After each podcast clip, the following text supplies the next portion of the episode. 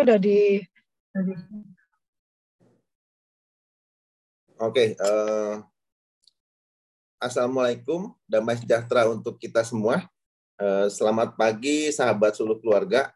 Uh, pagi ini kita bertemu kembali dalam Kultur Parenting edisi Senin 14 Agustus 2023. Kultur Parenting kita di bulan Agustus mengambil tema nasionalisme dari rumah. Judul pembahasan hari ini adalah merdeka itu pilihan atau memilih. Katanya kita sudah merdeka 78 tahun. Sebenarnya apa sih arti kata merdeka? Sebelumnya eh, di kultur parenting kita sebelumnya ada Kak Doni, Kak Irwan sudah banyak membahas mengenai nasionalisme ini, nasionalisme dari rumah. Dari perspektif yang lain. Dan kali ini Kak Lovely akan membahas arti kata merdeka. Saya pribadi dapat melihat bagaimana Kalofli memperjuangkan kemerdekaan dalam hidup dia dan mengajarkan kemerdekaan tersebut kepada anak-anaknya sehingga anak-anaknya mempunyai kemerdekaan dalam mengambil keputusan dan berpendapat dan sehat secara mental. Jadi saya merasa jadi kalau orang yang sangat cocok untuk bicara tentang apa arti kemerdekaan. Ya tanpa nunggu lama lagi, silakan kalau untuk memulai diskusi kita. Nah, baru lama lagi karena dia mau pergi tuh.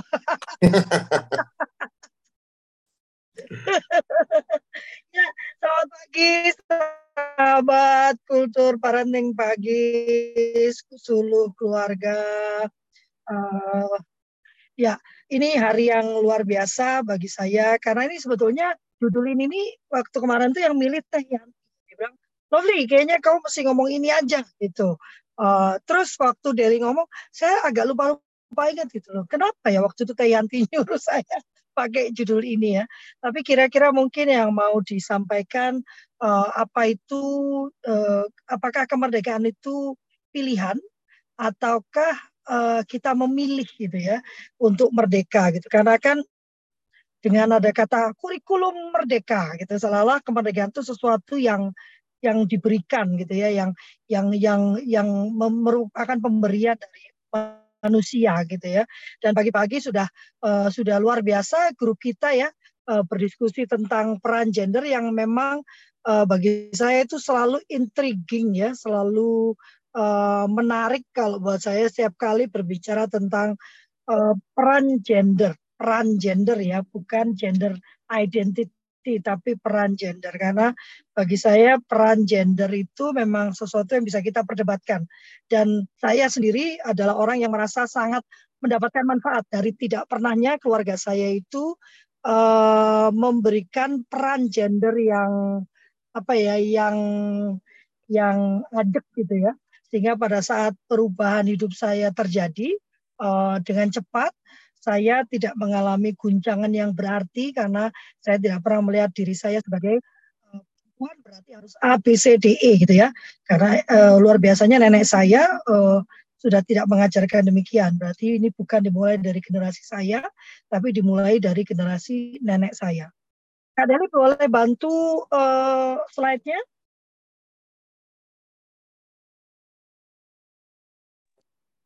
Luar biasa ya hari ini banyak ya kan Kak Deli bisa bantu slide-nya? Oh, terima kasih.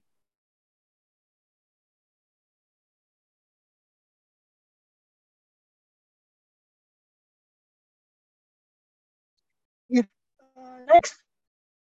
Saya ini uh, kemarin agak ter apa ya uh, terkesan dengan uh, bukan agak ya. Saya terkesan dengan presentasi Kak Kak Doni ya yang langsung mengambil dari uh, preambul atau pembukaan Undang-Undang Dasar 1945. Dia langsung masuk ke uh, konstitusi kita yang menjadi uh, apa yang menjadi pijakan kita ya dalam dalam kehidupan bernegara. Dan itu buat saya wow gitu ya. Sehingga hari ini saya niru gitu ya. Saya mau melihat apa sih sebetulnya yang dipandang oleh para founding fathers kita tuh ya. Pendiri bangsa kita tuh tentang makna kemerdekaan. Nanti baru saya akan mengarah ke siapa itu merdeka menurut saya dan bagaimana menerapkannya. Dan nanti baru kita bisa berdiskusi. Next Kak Deli bahwa di dalam preambul Undang-Undang 45 itu next Kak Deli ya dikatakan bahwa kemerdekaan itu adalah hak. Jadi dia bukan sesuatu yang diberikan Kalau namanya hak itu udah assign. Begitu kita menjadi manusia, maka hal itu sudah ada di dalam diri kita. Maka penjajahan itu harus dihapuskan karena tidak sesuai dengan perikemanusiaan dan perikeadilan. Dan lebih menarik lagi, dikatakan bahwa keberadaan orang-orang dan ada di sekitarnya, yaitu pemerintahan itu sendiri, tujuannya adalah mencerdaskan, memajukan kesejahteraan dan mencerdaskan. Kemudian melaksanakan ketertiban dunia sehingga pada kemerdekaan itu tidak berarti bahwa kita boleh melakukan apa saja terserah kita bukan itu makna kemerdekaan bagi para pendiri uh, negara kita tapi ternyata uh, sebagai orang merdeka maka kita punya kewajiban nggak cuma ya enggak cuma boleh melakukan apa saja tapi assign di dalam diri kita itu adalah kewajiban untuk memajukan kesejahteraan umum mencerdaskan kehidupan dan melaksanakan ketertiban jadi e, kalau waktu saya bicara tentang kemerdekaan, ya saya lebih suka menggunakan kata kemerdekaan dibandingkan kebebasan yang diberikan kepada anak-anak. Maka tidak berarti saya memberikan anak-anak saya itu e, kebolehan untuk melakukan whatever they want. Karena di dalam kemerdekaan mereka ada konsekuensi yang harus mereka uh, terima. Kalau tadi pagi saya menulis status konsekuensi dari kemerdekaan itu adalah kecerdasan. Konsekuensi dari kemerdekaan itu adalah penghormatan. Karena tadi saya pagi saya kita berpikir kan kita me, me, apa uh, diskusi di WhatsApp guru kita ya uh, Cik Meli menyatakan sesuatu yang intriguing menurut saya bahwa diajarkannya menghormati laki-laki bagi saya itu tidak ada kata gender di situ. Laki-laki, perempuan, semuanya wajib dihormati dan saling menghormati. Kenapa? Karena kita adalah orang-orang yang merdeka. Lalu juga bahwa di dalam kemerdekaan kita tuh kita punya landasan berpikir. Pancasila itu menjadi landasan pas panduan kita dalam menjalankan kemerdekaan kita. Ya, jadi sejak awal berdirinya negara kita itu tidak dikatakan bahwa berarti sebagai negara kita we can do whatever we want to do. Kita bisa menjadi apa pun tanpa peduli karena di dalam kemerdekaan kita itu uh, assign satu kewajiban yaitu kesejahteraan umum mencerdaskan kehidupan ya dengan melaksanakan ketertiban. Next kak Deli. Ini menarik sekali untuk saya waktu saya tadi malam. Dan juga bahwa sistem kita pun menyatakan demikian bahwa pendidikan itu mengembangkan kemampuan membentuk watak serta peradaban bangsa. Jadi kalau tiap itu dibicarakannya itu saya sedih banget gitu loh karena secara undang-undang tidak pernah dikatakan bahwa kita itu mendidik anak-anak kita untuk menyediakan pengerja bagi para pemilik pekerjaan. Bukan dikatakan bahwa anak-anak kita itu dididik agar mereka bisa jadi kaya dan memperkaya dirinya. Karena tadi kalau lihat preambulnya ada kewajiban sebagai orang merdeka untuk memajukan kesejahteraan umum. Ada kewajiban yang assign di dalam orang yang merdeka untuk mencerdaskan kehidupan bangsa. Maka waktu kita menjadikan merdeka, karena nanti ada ada uh, pendapat Ki Hajar ya, next Kak Deli, kita lihat ya Hajar Dewantoro yang disebut-sebut sebagai ini adalah apa itu pendidikan menurut beliau. Nanti dibaca sendiri ya. Terus ke bawah Kak Deli. Menginternalisasi nilai-nilai budaya. Tapi budaya juga perlu kita diskusikan. Budaya yang mana? Nah, menurut Ki Hajar, pendidikan itu menuntun kekuatan kodrat pada anak-anak agar selamat dan bahagia. Maka kita perlu memahami dulu kodrat itu apa? Apakah kemerdekaan itu sebuah kodrat, sesuatu yang kita miliki atau yang kita berikan? Karena ada yang mengatakan bahwa kita ini mendidik agar mereka menjadi merdeka. Berarti sebelum dididik dia tidak merdeka dong. Sementara beliau berkata manusia merdeka adalah manusia yang memiliki kebebasan dari Tuhan Yang Maha Esa untuk mengatur kehidupannya serta melarang adanya hukuman dan paksaan. Kenapa? Karena kemerdekaan itu sudah dimiliki dari Tuhan, bukan dari manusia. Jadi begitu brojol itu anak, koar dia menangis, dia adalah manusia merdeka. Baru kita perlu diskusikan merdeka itu apa? Tadi sudah dikatakan oleh founding fathers kita. Merdeka itu adalah hak satu. Dan di dalam kemerdekaan itu assign di dalamnya adalah kewajiban untuk mencerdaskan kehidupan. Kewajiban untuk mensejahterakan umum, kewajiban untuk menjaga ketertiban. Next. Nah, fotonya ganti jadi saya. Maka bagi saya, waktu kita berkata itu merdeka, merdeka itu bukan berarti bebas sebebas-bebasnya. Tapi merdeka itu dalam benak saya adalah kebebasan untuk mengambil keputusan atas hidupnya berdasarkan informasi yang lengkap serta menanggung konsekuensi dari keputusan tersebut. Kalau sudah membaca itu berarti eh, masuk akal ya kalau kemudian saya selalu menekankan pada mengajarkan anak keterampilan berpikir.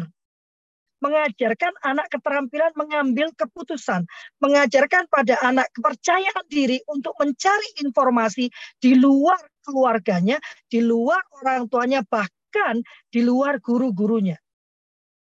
Kemudian mengajarkan anak menganalisa informasi tersebut, mengambil keputusan yang sesuai, kemudian menanggung konsekuensi dari keputusan tersebut. Maka bagi saya, pendidikan bukan membuat orang menjadi merdeka, namun pendidikan itu menyadarkan manusia akan kemerdekaannya karena dia disadarkan akan potensinya serta diberi ruang untuk mengembangkannya. Ya ya, terima kasih Kak Dani. Next. Hati-hati ya. Terima kasih. Ya, silakan dimatikan Kak Deli. Silakan. Nah, jadi itu yang ada dalam benak saya pada saat kita bicara tentang apakah maka kemerdekaan itu bukan memilih, bukan dipilih kemerdekaan itu sudah assign di dalam diri kita, cuman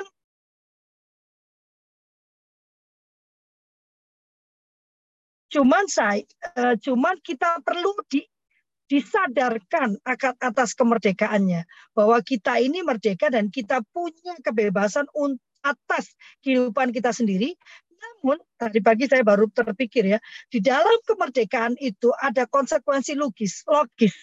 Di dalam kemerdekaan itu maka kita perlu menjadi cerdas. Dan yang paling penting adalah penghormatan.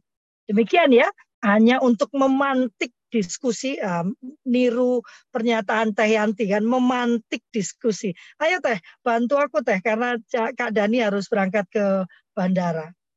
Oke, terima kasih Kakak Lovely. Seperti biasa ya, Senin pagi jadi lebih lebih apa ya bermakna, lebih uh, semangat uh, dengan hadirnya kultur parenting pagi. Uh, mudah-mudahan uh, kakak semua yang di sini uh, siap untuk uh, lebih lebih cerdas uh, memilih ya, memilih memilih apa yang sebenarnya sudah menjadi uh, kodrat uh, di dalam uh, kitab suci uh, kita gitu ya, apa pun agamanya gitu, terutama karena saya muslim di agama Islam yang namanya kemerdekaan seperti yang tadi disampaikan Kakak Lovely itu sifatnya memang uh, kodrati gitu ya sesuatu yang sudah diberikan. Bahkan uh, ya uh, sebaik-baiknya kita itu yang memberikan manfaat kepada orang lain terus tugas kita uh, di bumi ini untuk beribadah kepada yang maha kuasa tapi yang maha kuasa memberikan apa ya kebebasan untuk memilih bahkan uh, disebutkan uh, kecenderungan untuk melawan atau kecenderungan untuk untuk taat itu dua-duanya diberikan. Dan untuk untuk bisa merdeka seperti ini diberikan uh, tiga kemampuan uh, apa ya awal gitu ya pendengaran penglihatan dan hati gitu. Ini uh, tiga ini ad adalah alat kita untuk uh, belajar benar-benar bisa merdeka seperti yang diharapkan oleh uh, Yang Maha Kuasa. Sehingga nanti namanya merdeka di situ uh, kalau bagi saya merdeka itu beda dengan bebas karena di dalamnya ada kata tanggung jawab. Berani untuk memilih sesuatu dilakukan dan siap dengan tanggung jawabnya gitu ya baik kini maupun esok. Nah, di sini ada Kak Arianto, selamat pagi, Kak Vera,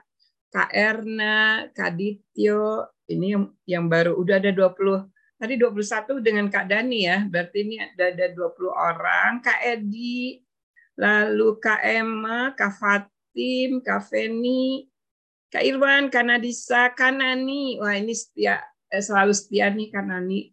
lalu Kak Okta, Karina, Kak Seli, Kak Tulus, Kak Tristiana, Kak Yeni. Wah, uh, kayaknya ada ada beberapa yang uh, baru ya. Silahkan uh, boleh dibuka kameranya atau langsung uh, raise hand atau langsung uh, menyampaikan. Uh, kayaknya di sini kita bisa bisa urun apa yang kita pikirkan ya, apa yang kita, tersirat di dalam pikiran kita. Uh, bagaimana sih makna kata kemerdekaan di dalam hidup kita sendiri. Eh, pagi-pagi kita sudah ini ya, wah lagi ini cepat cepat sehat ya Kak Fatim. Pagi-pagi Kak Lovely sudah mulai uh, uh, menggoda kita di uh, grup dengan kotak gendernya. Ayo teman-teman di sini kita memang perlu perlu keberanian untuk memilih apakah kita akan mengekalkan kemerdekaan yang di apa ya diberikan oleh yang maha kuasa di dalam diri kita atau kita mau uh, terus uh, berada di dalam kotak-kotak pikiran-pikiran yang bisa jadi malah membelenggu uh, uh, apa ya pikiran kita sendiri yang ada di dalam uh, Eh, yang sudah kita lihat, kita dengar dan kita rasakan gitu ya sejak kita eh, bahkan sebelum sebelum dilahirkan ya masih masa konsepsi ya Kak Lovely ya masih seperti itu. Silakan eh, kakak-kakak yang sudah hadir bisa urun di chat room atau langsung bicara akan lebih lebih menarik lagi. Nah ini ini kayaknya perlu dipantik lagi kalau biar lebih ya segar. Ya, sebetulnya pemahaman kita tentang apa itu kemerdekaan bagi diri kita sendiri itu akan mempengaruhi perilaku kita pada orang lain. Ya, makanya memahami kemerdekaan diri itu menurut saya penting gitu ya. Uh, salah satunya ya mencintai diri sendiri ya. Waktu hmm. saya kecil itu uh, tidak diajarkan gitu ya karena dianggap itu adalah satu uh, satu tindakan yang egois ya gitu. yang ya satu tindakan yang mementingkan diri sendiri ternyata sejalan dengan uh, saya makin tua uh, dan mohon diingat ya minggu depan saya ulang tahun yang ke-50 eh bukan minggu depan lusa. Eh tanggal berapa sih? 15 apa 25 ya lupa Tanggal 26 dong, tanggal 26. Biasanya sehari sebelumnya. Ternyata ternyata pada saat kita memahami bahwa kita ini merdeka gitu ya, maka kita bisa menghormati kemerdekaan orang lain. Ingat waktu dulu saya bicara tentang hak anak ya tadi awal-awal teh ya, ya, kita selalu dikatakan bahwa bahwa pada saat kita mengajarkan hak anak hak pada anak-anak, maka anak-anak kita itu menjadi anak-anak yang quote unquote kurang ajar gitu ya teh ya. Hmm, uh, uh, apa tidak peduli pada orang lain dan cuma mau senanya sendiri. Dan kami membuktikan uh, membuktikan sudah ya teh ya. kalau dulu kan itu tatarannya teori kita dibilangnya karena anak-anak kami masih kecil Sekarang, ya teh ya anak-anak kita sudah dewasa soalnya ya. nah jadi sudah bisa dikatakan kami membuktikan ternyata uh, uh, pendidikan yang penuh penghormatan terhadap hak-hak mereka, penghormatan ya terhadap hak-hak mereka itu menghasilkan orang dewasa yang kemudian bisa menghormati hak-hak orang lain gitu ya. Maka tadi pagi kan saya mengatakan bahwa kenapa mesti menghormati gender tertentu gitu ya. Mengapa mengatakan demikian kepada perempuan untuk menghormati laki-laki? Kenapa juga mesti mengatakan pada laki-laki untuk menghormati perempuan? Mengapa ada dikotomi itu gitu ini perempuan, hormatilah, ini laki, hormatilah. Kenapa tidak menggunakan kata bahwa kita ini orang merdeka, kita ini orang-orang yang merdeka. Maka di dalam kemerdekaan itu ya memang harus cerdas. Kenapa? Karena orang merdeka itu harus agile. Orang merdeka itu bergerak dengan luas. Apa pun yang terjadi dalam kehidupannya, dia bergerak dengan luas. Kalau saya berada di dalam satu kotak tertentu, pada saat kotak itu rusak atau atau berubah bentuk, maka stresnya bakal lama banget maka menempatkan anak-anak kita pada kotaknya itu sebetulnya membuat mereka lebih rentan kepada depresi dan stres apabila terjadi perubahan dalam hidup. Ya kan? Apa pun kenapa kalau dibatasi berkata, gitu ya.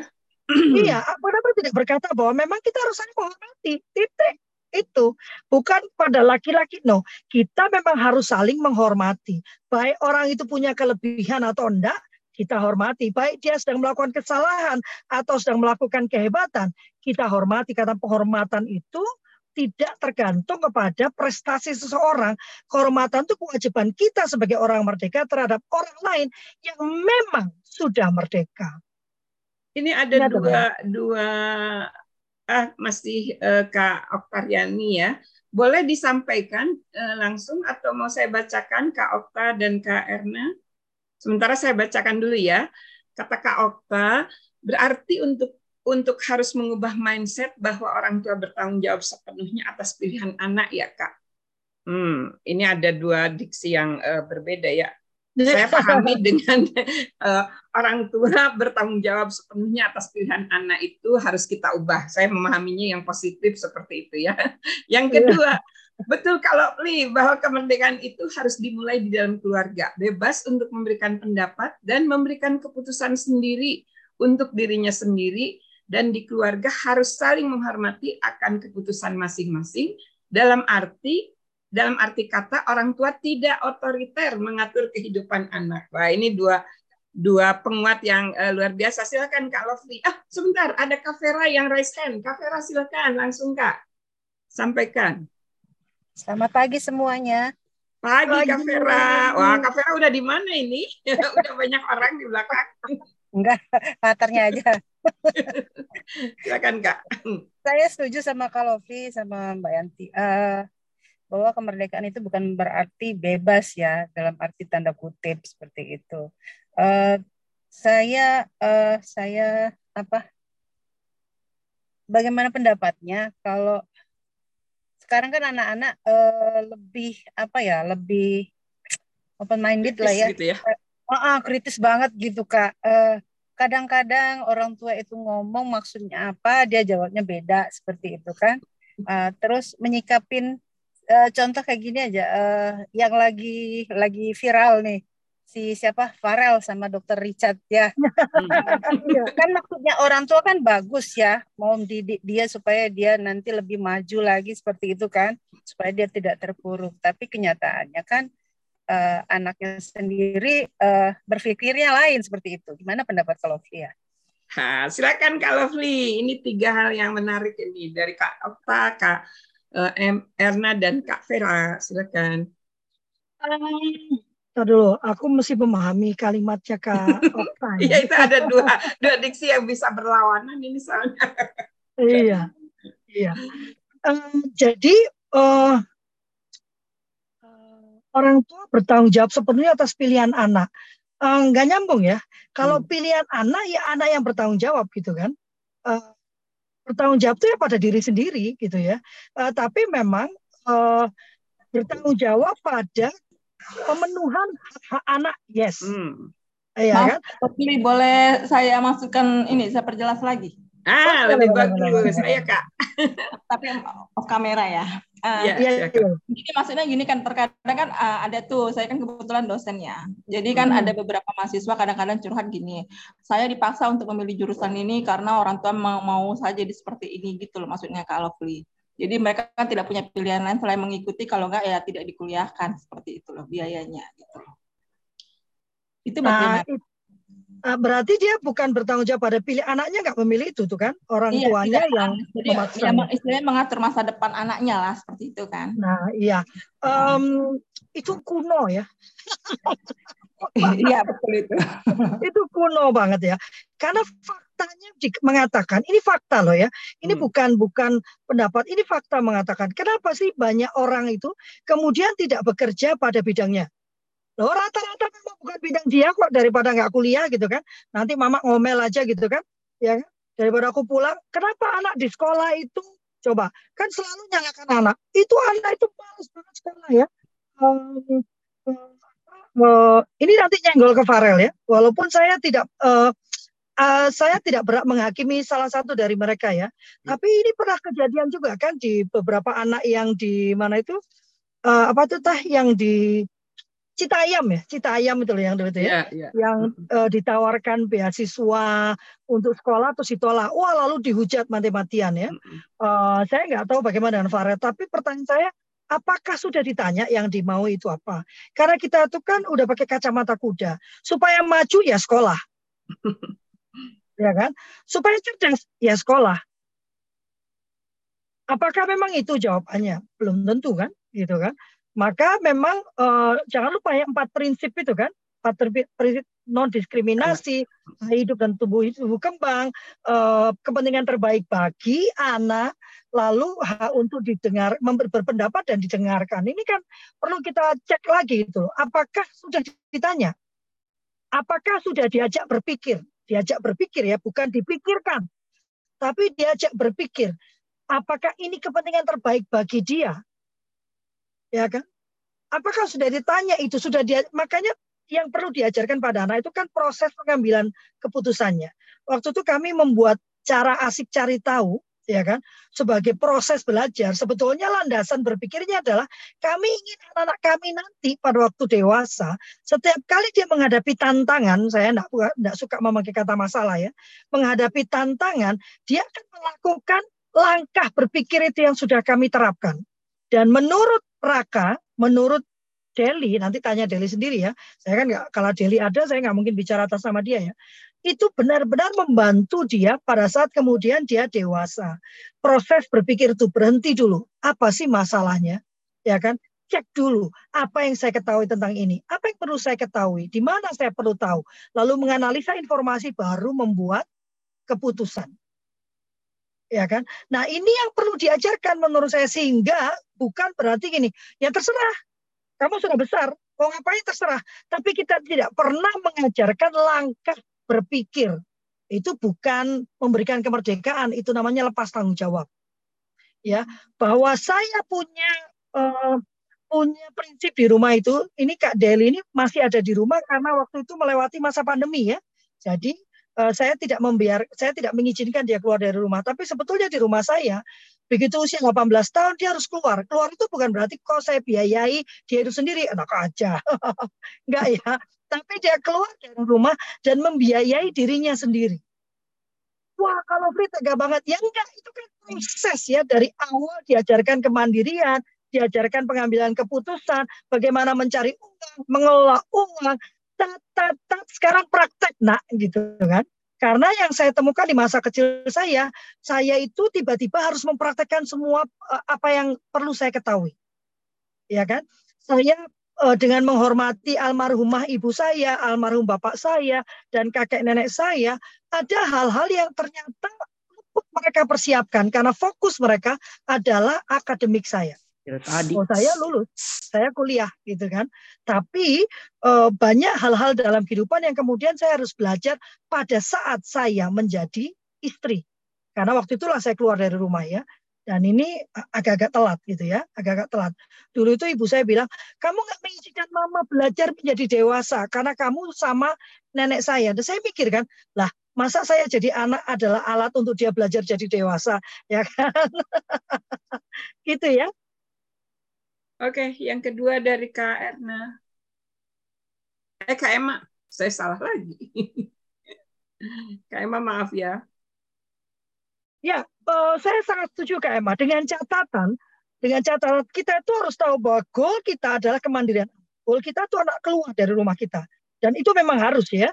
Uh, karena begitu, begitulah kan kalau di Alkitab saya dikatakan anak akan melepaskan diri dari orang tuanya. Sayangnya kan uh, di Alkitab tuh seolah-olah kalau sudah menikah baru keluar. Tapi kan di apa di di Islam itu kan 15 tahun ya Teh ya. Yeah. Dia harus berguna untuk dirinya sendiri gitu Sudah kan dewasa kita harus, keluar iya kita harus melihat itu semua sehingga itu menjadi goal kita dan kita menggambarkan apa sih keterampilan hidup yang dia butuhkan pada saat nanti dia harus mandiri itu yang kita persiapkan dari awal gitu kan itu harus itu kewajiban kita untuk mempersiapkan jadi nggak ujuk-ujuk ya, ya ujuk-ujuk gitu ya teh ya 18 tahun kamu keluar keluar kamu gitu ya Tidak begitu gitu ya, tapi ada tahapan yang sudah dia lalui. Dan sebagai ibu, jelas saya nggak tega ya. Eh, Raka tuh dulu kos-kosan pertama dia itu benar-benar kecil ya, kamar mandinya satu kali satu gitu. Kecil, nggak ada AC-nya, nggak ada pokoknya uh, ibunya itu nangis sudah karena saya berusaha keras mati-matian saya bekerja supaya mereka hidup di tempat yang quote unquote layak gitu ya. Tapi itu jalan kehidupan yang harus dia lalui gitu. Dia harus merasakan itu untuk bisa mengapresiasi apa yang nanti dia dapatkan pada saat dia sudah punya cukup uang. Jadi ya anak-anak itu daily bantu kakaknya ngosek kamar mandi, bersihkan kamar, ibunya di luar menahan nangis sebetulnya. Ini yang dia nggak tahu ya. Uh, saya ingin sekali dia pulang ya. Kayak sekarang dia ada di Palu ya. Uh, bahasa dia itu adalah bertahan hidup gitu. Sebagai ibu, apalagi Palu itu goncang terus tuh Sulawesi Sebagai ibu, saya ingin dia cepat pulang, tapi ini kan kehidupan yang harus dia jalani. Saya harus melepaskan tangan saya dan mulai percaya pada apa yang sudah saya persiapkan. Jadi Bapak Ibu, kalau kemudian kita gandoli anak terus artinya kita tidak percaya dengan apa yang sudah kita kerjakan. Jangan bebani anak dengan rasa tidak percaya diri kita. Kak Vera, Kak Vera, tadi Kak Vera bicara tentang uh, mirip sih ya bagaimana kita bisa memerdekakan anak-anak kita sebenarnya bukan kita yang memerdekakan karena Betul. kemerdekaan sendiri sudah ada gitu sejatinya di dalam diri kita masing-masing tapi lebih cerdas untuk untuk yeah. memulai uh, apa ya kemandiriannya sebagai manusia merdeka itu di usia yang memang uh, usia balik kalau di yeah. di Islam disebutnya mukalaf sudah sudah balik sudah bisa membedakan baik benar eh salah uh, baik buruk benar salah uh, suka suka hilang itu dari dari kata-kata buruk salah gitu ya itu tadi kan menyadarkan manusia akan kemerdekaannya Ya, Jadi nah bukan itu. memerdekakan, tapi menyadarkan bahwa kamu itu oleh Tuhan diberi kebebasan loh untuk mengatur hidupmu sendiri. Nah, bagaimana? Tapi kamu sebagai orang merdeka itu ada assign. Kamu itu harus mencerdaskan kehidupan di sekitarmu. Gitu kan? Berarti tidak memanfaatkan orang dong. Orang ada ke kewajiban untuk menyerdaskan. Kalau di Islam namanya rahmatan lil alamin. Kamu merdeka. Kamu adalah khalifatullah, benar nggak? Kamu ya. adalah perwakilan Tuhan di bumi ini. Maka namanya perwakilan kan bisa apa pun bisa kau kerjakan. Hmm. Tapi kemudian ada assignnya. Kamu adalah rahmat untuk semesta. Di dalam Alkitab dikatakan kami ini pewaris jadi atas segala raja. Wah, gitu kan. Tetapi kami harus jadi terang dunia. Kami harus jadi garam dunia. Di dalam kekuasaan kita itu ada kewajiban. Nah, itulah menyadarkan manusia akan kemerdekaannya. Itulah pendidikan. Jadi iya, kalau hasilnya tadi Anda tidak bisa milih, paksa harus ikut ini kalau nggak dibayar, berarti Anda tidak sedang melakukan pendidikan. Anda justru menarik anak dari kemerdekaannya masuk ke dalam belenggunya. Mundur Anda itu. Ah, Kak Edi nah. juga sudah uh, sudah mulai silakan, terbakar rupanya. Nah, silakan Kak Edi. Wah, ini kalau sesama ini arek-arek Surabaya sudah. silakan Kak. Ya, kalau saya tertarik tadi uh, pembahasan mengenai merdeka ini, ya saya mendengarkan itu ya sharing atau semacam kesaksian gitu dari wali murid yang anaknya disekolahkan di apa pondok pesantren Al Zaitun itu yang tadi disampaikan itu ini ya sudah diterapkan di sana. Jadi anak-anak dididik secara kemandirian ekonomi. Nah, itu yang pasti ada anak-anak itu mempunyai patron gitu ya. Eh, contoh teladan yang dilihat yaitu Pak Panji Gumilang. Lah masalahnya ini sekarang terjadi apa ya kontra gitu. Hmm. Ya, yang menjadi patron itu malah di dalam tanda petik dikriminalisasi. Jadi bahkan negara ikut terlibat ini ya pimpinan pimpinan tertinggi negara ikut terlibat di dalamnya. E, kalau media sosial tuh ya memang bisa diatur ya. Memang ada orang yang punya kepentingan mau menjelekkan melalui media sosial. Lah ini lah hal yang baik memang nggak bisa dihindari. Ini dunia kan sudah berdosa udah. Jadi justru kalau yang sudah berdosa ini memang hal biasa, hal yang normal malah.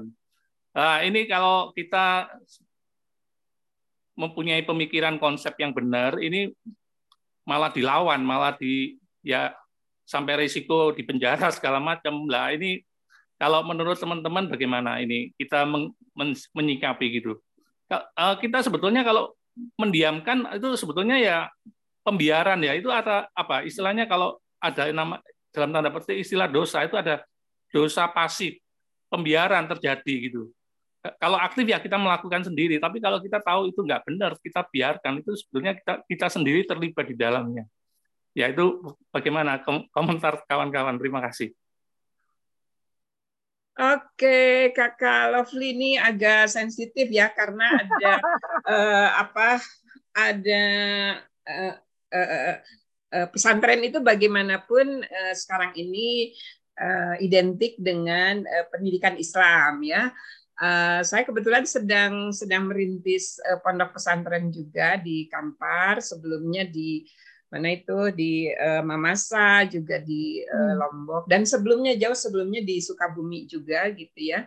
Uh, uh, gini, ketika ketika awal uh, Azaitun berdiri, uh, seingat saya di situ memang banyak teman-teman yang uh, bukan banyak, terutama pendirinya adalah uh, orang yang sudah kembali ke ke tanah air gitu ya, kembali untuk menegak menegakkan nasionalisme gitu. Tapi ya itu tadi memang lapisan-lapisan budaya yang ada di sekeliling uh, kita ini sulit untuk uh, ditanggalkan kecuali eh, terkesan kita harus membuktikan bahwa kita adalah nasionalis sejati gitu terutama bagi orang-orang yang dulunya dianggap memiliki paham-paham yang eh, anti nasionalisme gitu ya dalam perjalanannya sebenarnya ketika muncul uh, keluhan karena saya kebetulan uh, ikut mendirikan beberapa uh, federasi mulai dari Federasi Guru Independen Indonesia, kita juga ikut dalam uh, melahirkan IGI ya, uh, Kakak Lovely ya, Ikatan Guru terkait dengan uh, profesionalismenya. Terkini saya uh, masih di sini membina uh, persatuan eh perkumpulan apa persatuan pokoknya teacher trainer Indonesia cerdas macam-macam lah ya. Uh, jadi uh, perjuangan guru untuk bisa lebih uh, merdeka secara memiliki kemerdekaan uh, akademik misalnya terganjal di dalam undang-undang guru dan dosen gitu ya. Belum lagi sebagai tenaga kerja kalau dia belajar eh, mengajar di tempat swasta termasuk uh, pontren mau tidak mau memang Eh, mengikuti kultur di dalam uh, perusahaan. Tanda kutip lah di sini anggap kita sebut uh, perusahaan. Apalagi yang saya tahu saya saya pernah ke Azaitun dua kali gitu ya. Yang saya tahu orang orang-orang tua yang menitipkan anaknya untuk belajar di pondok pesantren ini itu kan uang pangkalnya dalam bentuk sapi yang nantinya sapi itu dikembangbiakan di di pondok pesantren ini dan kemudian nanti pulang pulang membawa sapi seumur yang sama gitu ya. Jadi uh, upaya yang tadi Kak Edi sampaikan uh, ada gitu. Nah terlepas dari semua pandangan uh, negatif positif, pokoknya kontra kontra apa ya uh, uh, saling saling menguatkan atau saling merendahkan. Kita pertama uh, perlu melihat dari uh, apa ya kalau kalau kalau mengasah sesuatu itu kan kita perlu gergaji gitu ya. Nah gergaji kita bagaimanapun di di dalam uh, seluruh keluarga ini kita sepakat dengan empat prinsip hak anak. Kita lihat dari uh, diskriminatif atau tidak gitu ya dalam hal pengambilan keputusan dan sebagainya termasuk pada anak di sana gitu ya. Termasuk apakah ada perlakuan-perlakuan yang salah di dalamnya atau tidak gitu. Karena konon kabarnya guru-guru di sana berkali-kali uh, protes, berkali-kali uh, merasa keberatan dan sebagainya lah ya, namanya juga di uh, lembaga swasta. Terus yang kedua, apakah uh, prinsip kepentingan terbaik anak di sana memang di dikedepankan atau justru nyerempet-nyerempet ke pekerja anak misalnya? Itu juga perlu menjadi perhatian kita bukan untuk menghujat lembaga pendidikannya tapi kita sebagai orang yang mencermati ya belajar dari dari uh, apa yang kita uh, lihat. Terus yang ketiga, bagaimana dengan hak hidup, kelangsungan hidup dan tumbuh kembang anak-anak yang uh, nyantri di sana.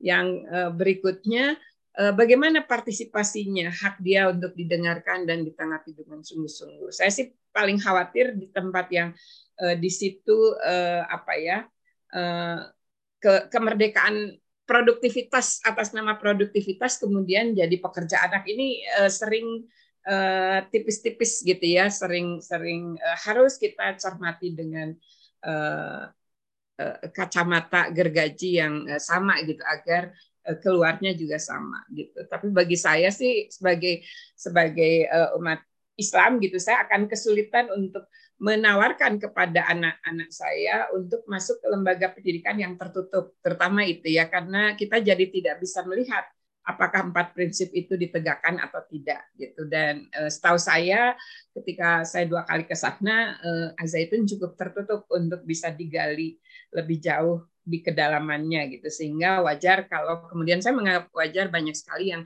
uh, ber, berprasangka untuk banyak hal, terutama Eh, masalah intolerannya, terus eh, kekerasan kekerasan sepihaknya gitu. Kekerasan nggak ada sepihak ya, semua namanya kekerasan yang nggak boleh di dalam. Itu kalau dari saya. Silakan Kakak Lovely. Ya, dan sebetulnya uh, hal tersebut itu tidak hanya terjadi di kalangan Muslim misalnya ya. ya. Bagi saya di kalangan kekristenan pun tuh uh, klaim bahwa dia yang paling benar teologinya itu juga banyak terjadi gitu kan hmm. sesama pemuka agama katakanlah pendeta gitu ya mengatakan bahwa pengajaran dialah yang benar pengajaran dia yang sana salah gitu kan ini penyesatan itu hal yang banyak terjadi eh, saya nggak tahu kalau di agama lain ya yang saya tahu kan di Islam dan di dan di Kristen ya hmm. eh, melabel pasal yang lainnya gitu kan um, sayangnya ya eh, ya perlu dipertanyakan apakah memang sedang berjuang atas nama pemahaman teologi ataukah ujung-ujungnya ya yang sana kenapa kok rame ya kok yang sini kok sepi gitu ya. Itu juga perlu dipertanyakan ya. Dan saya sepakat dengan Tayanti saya kok tidak pernah mau terjebak di dalam uh, diskusi uh, siapa yang benar siapa yang salah dalam artian keagamaan ya gitu ya karena bagi saya kebenaran itu uh, milik Tuhan pada saat kemudian kita mengklaim kebenaran itu sebagai milik kita, maka dia sudah bukan lagi kebenaran yang absolut, gitu ya. Maka saya tidak berani mengklaim bahwa apa yang saya katakan ini paling benar, gitu ya. Uh, tapi ini adalah kebenaran absolut yang saya pahami, gitu.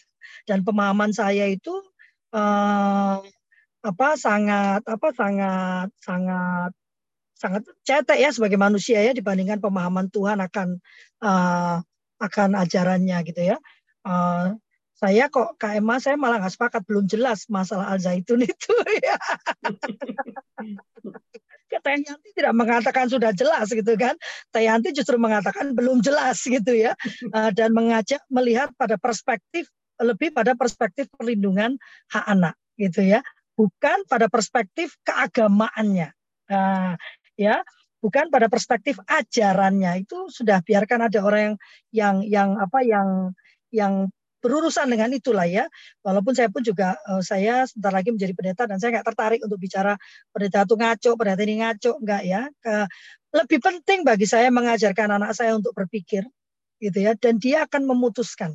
Sebagai manusia dia punya hak kemerdekaan untuk memutuskan mana yang akan dia ikuti, mana yang akan dia pahami. Dan dia anut sebagai kebenarannya Tuhan. Ya, karena kan kita nggak ada yang pernah ketemu Tuhan ya. Oh, udah ketemu Tuhan ya balik lagi Meninggal. Dong, ya. Uh, iya kan, ya kan, uh, mengklaim sebagai ini yang paling benar oh, Yesus ya. Tadi kita kan nggak pernah ketemu Yesus ya gitu ya. Ya klaimnya sih ngimpi ketemu Yesus itu kan. Sama dengan belum juga ketemu. Sama dengan kadang-kadang saya ngomong kan uh, Islam sama Kristen bertengkar. Lah kan belum ada yang mati gitu kan. Kita juga nggak tahu nanti surganya ada yang mana gitu kan. Udah kita bertengkar ada yang sono atau yang sini atau dua-duanya ya sudahlah mari kita damai dengan keyakinan kita masing-masing gitu ya. Karena keyakinan kita itu kan e, diajarkan untuk menjaga keteraturan di dalam kehidupan kita ini kan. Tadi ya manusia merdeka itu punya kewajiban untuk menjaga ketertiban dunia. Nah, e, agama kita tuh mengajarkan keteraturan dalam kehidupan kita itu ya.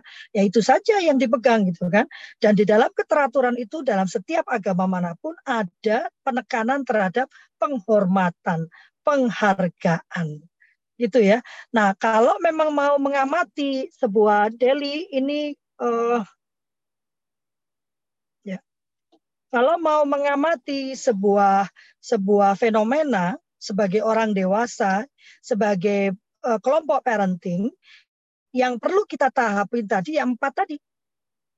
Apakah yang dilakukan itu juga demikian waktu kita waktu akan melakukan sesuatu empat itu harus kita pegang teguh gitu kan?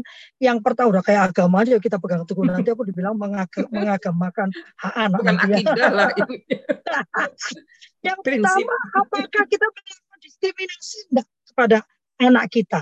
Anak kita dan anak ya. Karena sering kali lalu kita tidak peduli ya itu kan bukan anak saya gitu bodoh amat. Nah ya. Pada anak ya kan?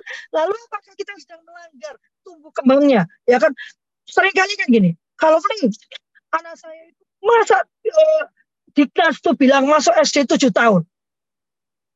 Masa baca baru beri 7 8 tahun? Lalu saya tiga tahun bisa baca buat apa?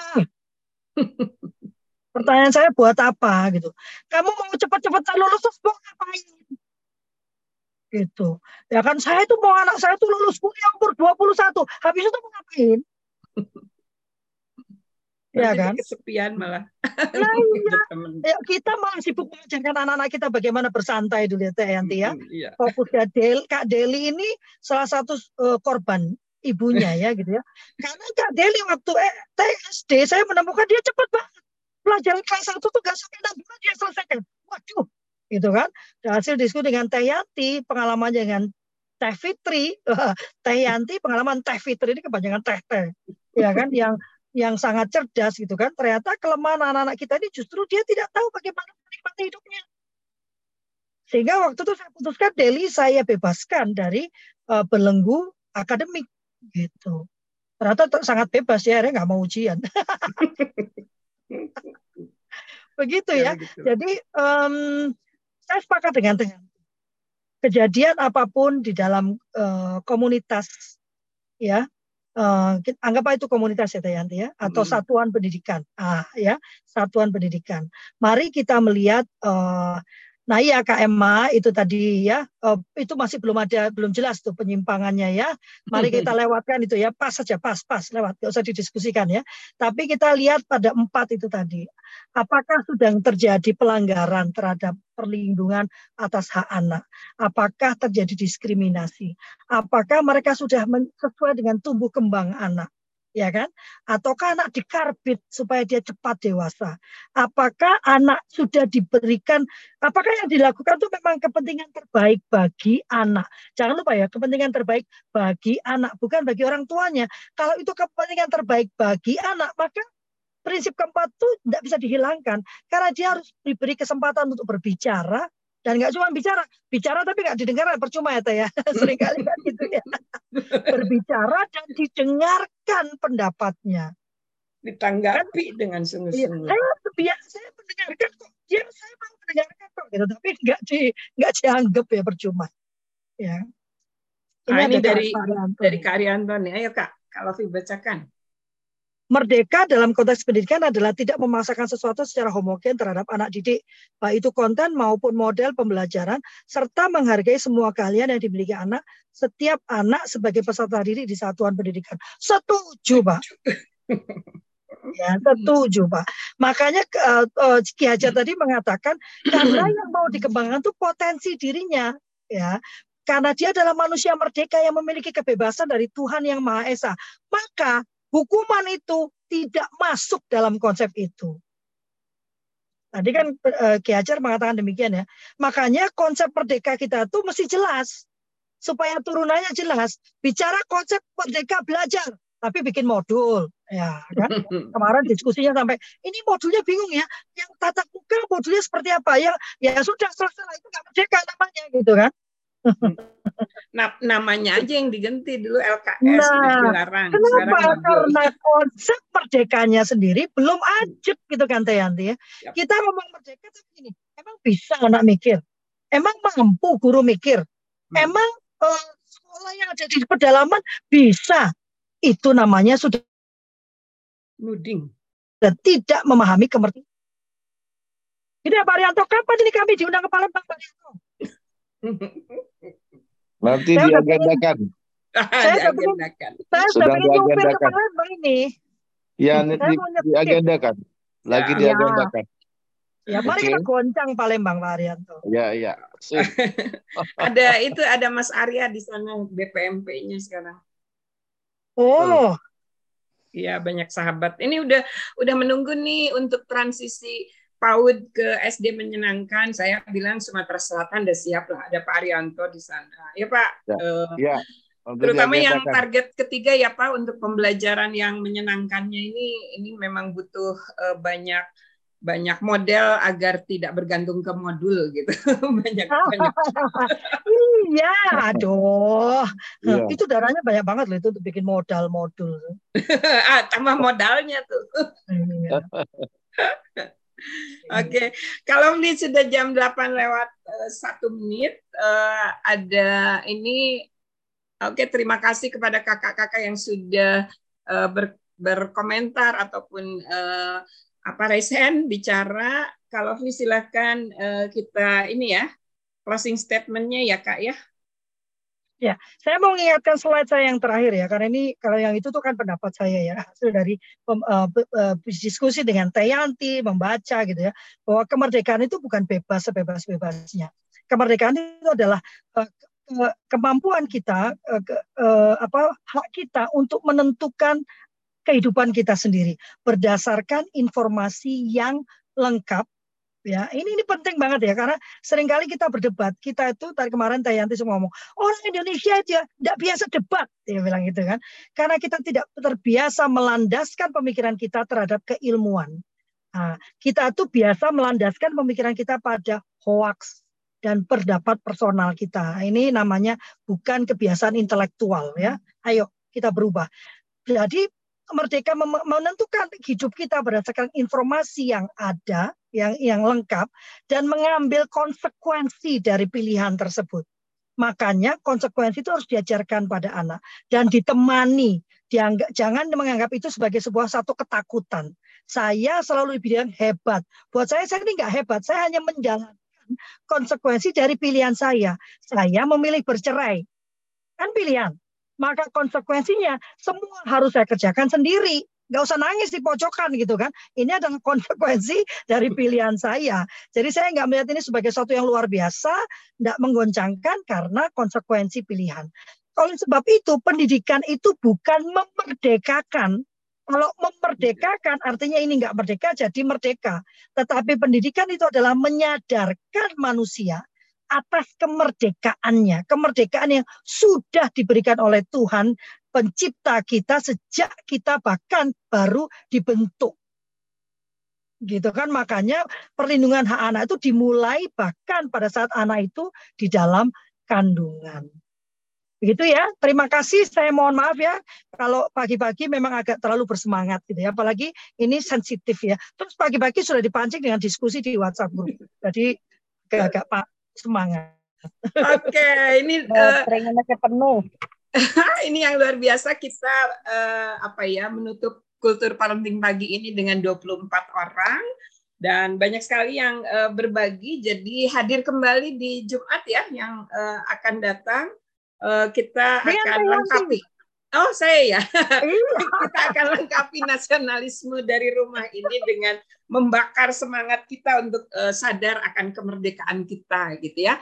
Apa yang kita bicarakan pagi ini yang baiknya, yang benarnya itu dari Yang Maha Kuasa, yang salah, yang kurang itu dari keterbatasan saya secara pribadi, Kakak Lovely dan semua teman-teman di sini. Ini kesempatan kita untuk uh, belajar bersama mari kita uh, terus apa ya me mengambil hikmah-hikmah dari hal yang uh, benar dan baik dalam pertemuan-pertemuan kita di kultur parenting pagi ini. Terima kasih sudah hadir. Yuk kita uh, pasang uh, kalau sudah masang ininya ya, kita foto bareng pasang uh, love-nya, pasang love-nya, pasang yang merah-merahnya itu. Sudahkah? Nah, ayo, ayo satu. Kakak Deli eh, mohon di di foto atau sudah ya? Biasanya Kakak Deli sudah sudah duluan. Oke, okay. uh, eh, terima kasih banyak Kak Emma, uh, Kak Okta, kakak-kakak semua Kak Vera, Kak Arianto, Kak Edi. Nah ini uh, luar biasa ya pagi. Selamat bekerja dan uh, apa ya menikmati uh, awal pekan hari Senin dengan bahagia. Assalamualaikum warahmatullahi wabarakatuh. Assalamualaikum. Wabarakatuh. Kak Yanti. Ya, terima kasih Kak Edi. Pamit ya. Kak Irwan kelihatan. Tadi nggak kelihatan. Hmm. Oke, okay, Liv ya.